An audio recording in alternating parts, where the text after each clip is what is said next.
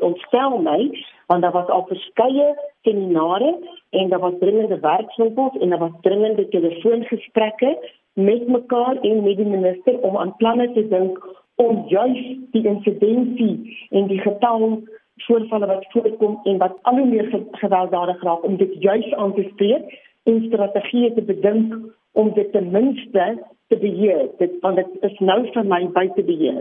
Dit voel vir my 'n kind kan nou enige tyd besluit op watter dag wil hy watter wapen vat en wil hy vir wie ook al gaan aanval.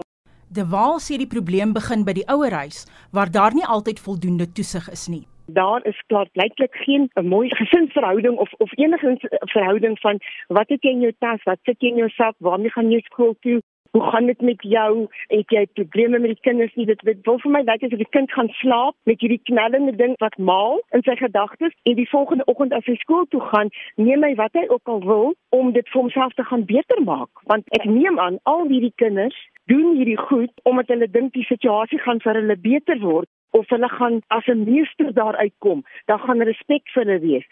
De Waal sê die situasie word vererger deur sosiale media omdat leerders video-opnames van bekleierery op die skoolgronde maak en dit dan versprei. Sy sê dit is goed om bewyse te hê, maar dat dit die verantwoordelikheid is van diegene wat die opname gemaak het om dit dan aan 'n onderwyser te oorhandig. Dit asof daar so 'n lekker kry in ons samelewing is en dit kom van die groot mense af. Hulle sal graag stilhou by 'n plek waar daar 'n ongeluk was maar nie almal klim uit om te help nie. Hulle hou stil om dit af te neem of hulle hou stil om om net eenvoudig soos nuuskierige aggies net te kyk. Die kinders volg maar die voorbeeld van die groot mense. De Walsie onderwysers verkeer dikwels onder die wanindruk dat hulle geen regte meer het nie. Dis of onkunde of dis net moedswilligheid. 'n Onderwyser het elke reg in die grondwet.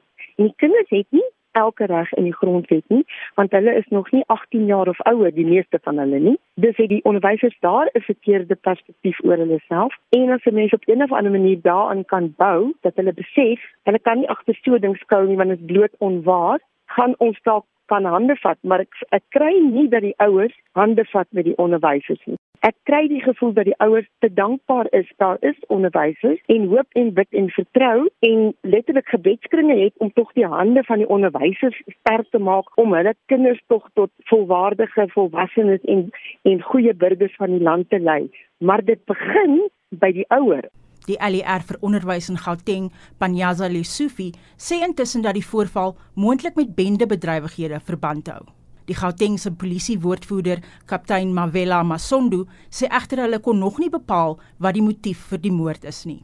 We cannot confirm to say it was a gang related although it will uh, form part of the investigation because we never had uh, cases of gangs in that school before. That's why we are trying to get to the bottom of the matter. Then we cannot rule that out. It will form part of the investigation. Dit was die Gautengse polisiewoordvoerder, kaptein Mavela Masondo.